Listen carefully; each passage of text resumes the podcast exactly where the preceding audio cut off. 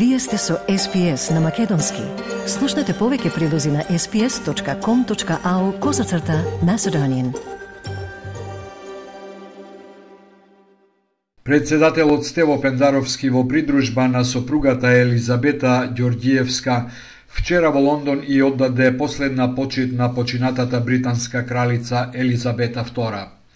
Пендаровски во Лондон присуствува на погребот на кралицата. Предходно тој се подпиша во книгата на жалост.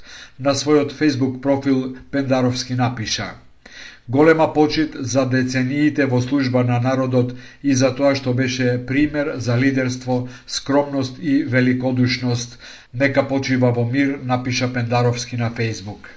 Македонија и Бугарија не постигнаа договор за цената на струјата што треба бугарските производители да ни ја продадат според договорот меѓу премиерите Донев и Ковачевски од 5 септември. На состанокот на работната група од Македонија што престојуваше во Софија, присуствуваа директорите на македонските енергетски компании. На средбата не е постигнат договор ни за трошоците за транспорт на електричната енергија. Неделава ќе има нов состанок на работните групи за да се постигне договор за снабдување. На 5 септември премиерите на двете земји Галаб Донев и Димитар Ковачевски се договорија да бидат извезени околу 200 мегават часови електрична енергија од Бугарија во Македонија. Македонското друштво Илинден од Тирана достави барање до председателката на албанскиот парламент Линдита Никола, со кое од име на македонците се бара формирање две општини Голобрдо и Гора. Според председателот на друштвото Никола Ѓурѓај, во образложението на барањето се наведени основните причини за ова легитимно барање на македонците од двете области. Во барањето се вели – По територијалната поделба во Албанија во 2014 година, областите Голобрдо и Гора, во кои живее македонско население, останаа неразвиени. Македонците не се застапени во локалната власт. Во 2014 година владата ги укина општините Требиште, Острени и Стеблево во областа Голобрдо и ги припои првите две во општина Булчиза, а општината Стеблево во општина Либрашт – Обштините Шиштевец и Заплот во областа Гора, пак по укинувањето се припоени кон Обштина Кукс, стои во образложението, информира Ѓурѓај Замија. Наведуваме, додаде тој, дека со формирање на областите во две општини ќе се придонесе во зачувување на македонскиот идентитет и брз економски развој. Председателот на Единствената партија на македонците во Албанија, Македонска алијанса за европска интеграција МАЕИ, Васил Стериовски, во интервју за албанската телевизија МЦН, изјави дека власта и опозицијата во Албанија се против формирање на општините Гора и Голобрдо, населени со македонско население. Во петокот македонскиот министер за надворешни работи Бујар Османи на брифинг за новинарите изјави дека македонските институции забележале руско влијание врз партиско-политичкиот живот во Македонија преку финансирање. Не сакајќи да открие повеќе детали, Османи рече дека тоа е работа на безбедносните служби кои работат на случајот.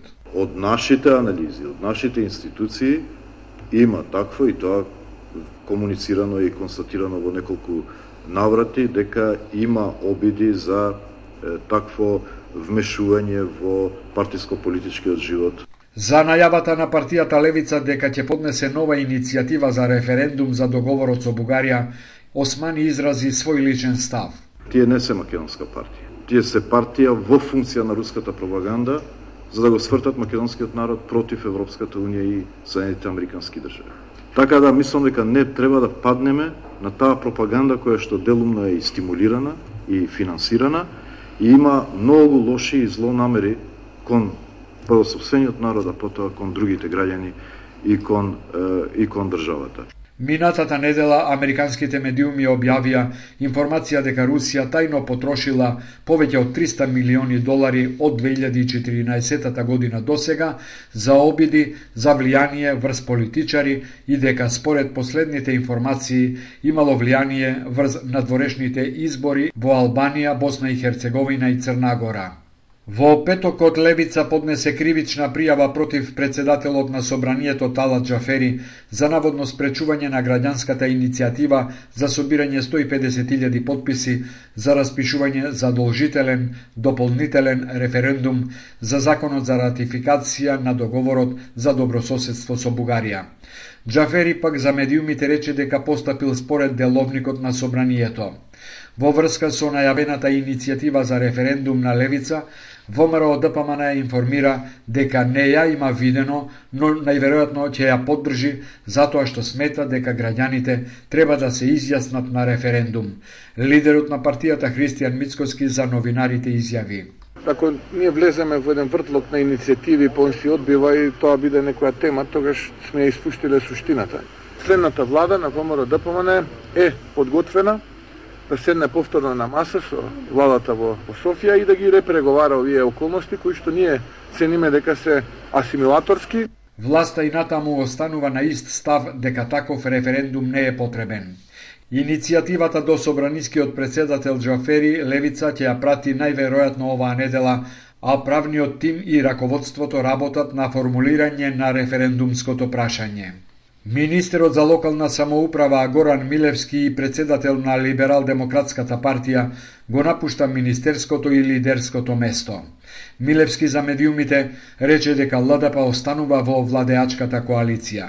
Тој ќе остане лидер на партијата до редовниот партиски конгрес што треба да се одржи во декември. Милевски тврди дека министерската позиција не ја напушта поради некакви притисоци или раздор во ЛДП, туку дека причините ќе ги соопшти по официјалното поднесување на оставката, што ќе се случи веројатно денеска или утре. Не е познато кој ќе го наследи на партиската лидерска позиција. Во јавноста се споменува името на поранешниот лидер и градоначелник на Скопје Ристо Пенов, но исто така и името на подпредседателката и пратеник Моника Зајкова, која вели дека ако ја добие поддршката од членството, ќе прифати да раководи со партијата. СДСМ сама соопштува дека односите со ЛДП и во коалицијата се на високо ниво. Горан Милевски три години ја извршуваше министерската функција за локална самоуправа. ВМРО ДПМН е го обвинува премиерот Димитар Ковачевски дека дезертирал од обврската за служење војска во 2001 година, прикажувајќи се како трајно неспособен.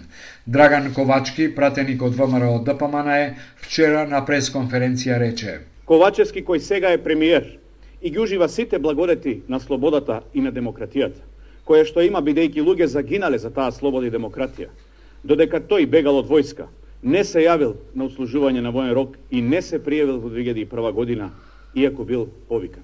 Доколку дезертерот Ковачевски бил трајно неспособен да отслужува војска и да ја брани државата, тогаш како е способен да биде премиер? СДСМ обвинувањата на ВМРО ДПМН е ги смета за измислици и за обид да се прикријат кавгите во опозицијата.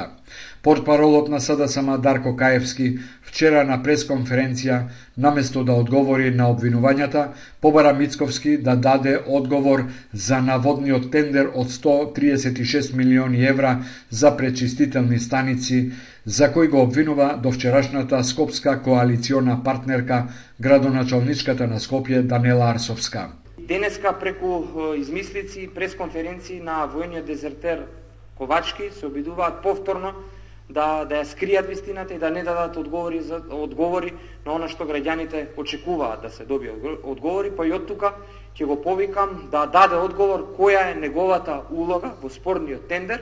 Опозицијата го повика Ковачевски да одговори дали лажел пред институциите и пред лекарите за неговата здравствена состојба да се повлече од опозицијата, а сада сама да одговара за неговото назначување. Сакате ли да чуете повеќе прилози како овој? Слушате подкаст преку Apple Podcasts, Google Podcasts, Spotify или од каде и да ги добивате вашите подкасти.